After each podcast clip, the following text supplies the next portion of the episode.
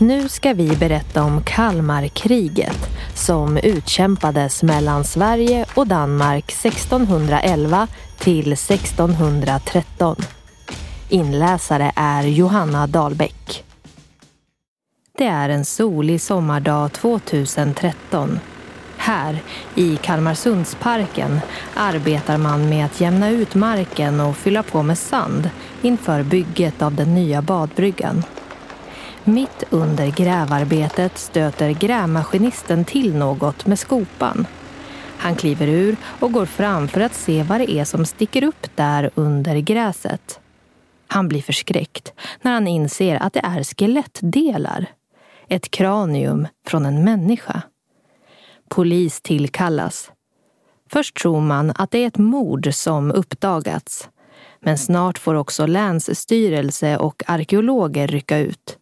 Skelettet verkar ha några hundra år på nacken men har tack vare den kalkrika marken bevarats väl. En analys av bendelarna visar att det rör sig om en ung soldat som dött under Kalmarkriget 1611. Fyndet leder till att området börjar undersökas arkeologiskt under de kommande åren och man gör fler spännande fynd. Spår efter både artilleribeskjutning och matlagning. Blykulor, kruksvärvor och ringar som alla har legat i marken i över 400 år då Kalmarsundsparken inte har bebyggts eller ändrats sedan 1600-talet. Tillsammans lär oss fynden mer om historien. Vad hände egentligen under Kalmarkriget? Och vad kan vi veta om den unge mannen som dog där på slagfältet och väntat på sin sista vila i över 400 år? Kalmar var en central plats under större delen av Sveriges och Danmarks historia. Åren före kriget gjorde båda länderna anspråk på lappmarken med siktet på att kunna beskatta samerna där och Danmark ville dessutom flytta fram gränserna och stärka sin ställning i Östersjön. Den 4 april 1611 förklarar kung Kristian den fjärde av Danmark krig mot Sverige och låter tyska legoknektar anfalla sydöstra Småland. Kalmar attackeras i maj. Men både staden och slottet står emot anfallet som istället går över i belägring. Danskarna slår läger på stadens södra sida, ner mot Stensö till. De ringar in fästningen, grova kanoner riktas mot den och man skjuter störningseld dygnet runt. Alla förbindelser utåt skärs av och eftersom danskarna vet att den svenska armén är i antågande anläggs även värn utåt. Det är alltså en ring inåt och en ring utåt för att slå tillbaka undsättningsförsök. Den svenska hären som ska rädda Kalmar når fram i mitten av juli och slaget står både där Kalmarsundsparken är idag och inuti staden som brandhärjas svårt. Det är skräckfyllda dagar för lokalbefolkningen då stora delar av deras hemstad brinner ner till grunden. Till slut segrar danskarna. Nu återstår bara att ta slottet också. Ståthållare Christer Somme inspekterar krutförrådet och inser att de aldrig kommer klara av att stå emot de danska styrkorna en längre tid. Och till slut lyckas han, i augusti övertyga sina mannar att kapitulera.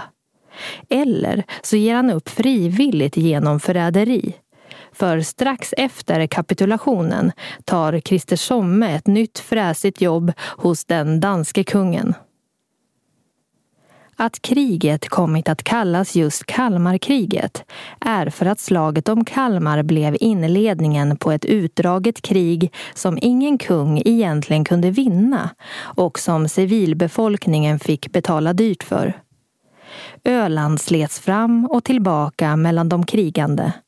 Danska trupper härjade i Västergötland och Växjötrakten. Svenskarna svarade med att lägga en stor del av norra Skåne i aska och sprida skräck i Halland.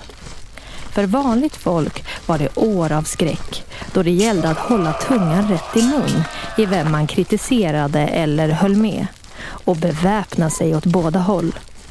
Soldaterna på båda sidor som drog fram genom byarna dödade och brände hejdlöst civila, barn och kvinnor. Alla som kom i deras väg.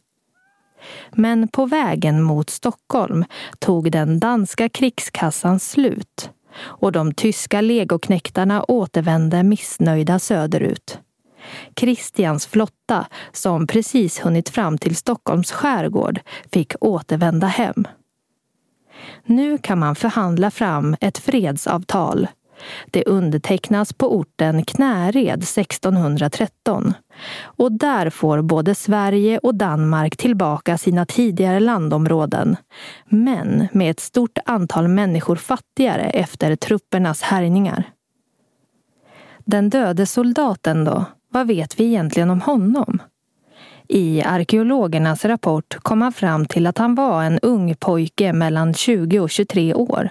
Ovanligt lång, decimetern högre än sina kamrater och troligtvis från Småland. Dessutom med dåliga tänder. Bredvid honom hittade man ytterligare ett skelett. Båda var tillrättalagda och det gick inte att hitta knappar eller liknande, så de var plundrade eller avklädda på utrustning och uniform. Kanske hade dödstalen varit så stora att de stupade begravts mer eller mindre där de föll. Ljudberättelsen är producerad av Destination Kalmar i samarbete med Storyspot och Region Kalmar län.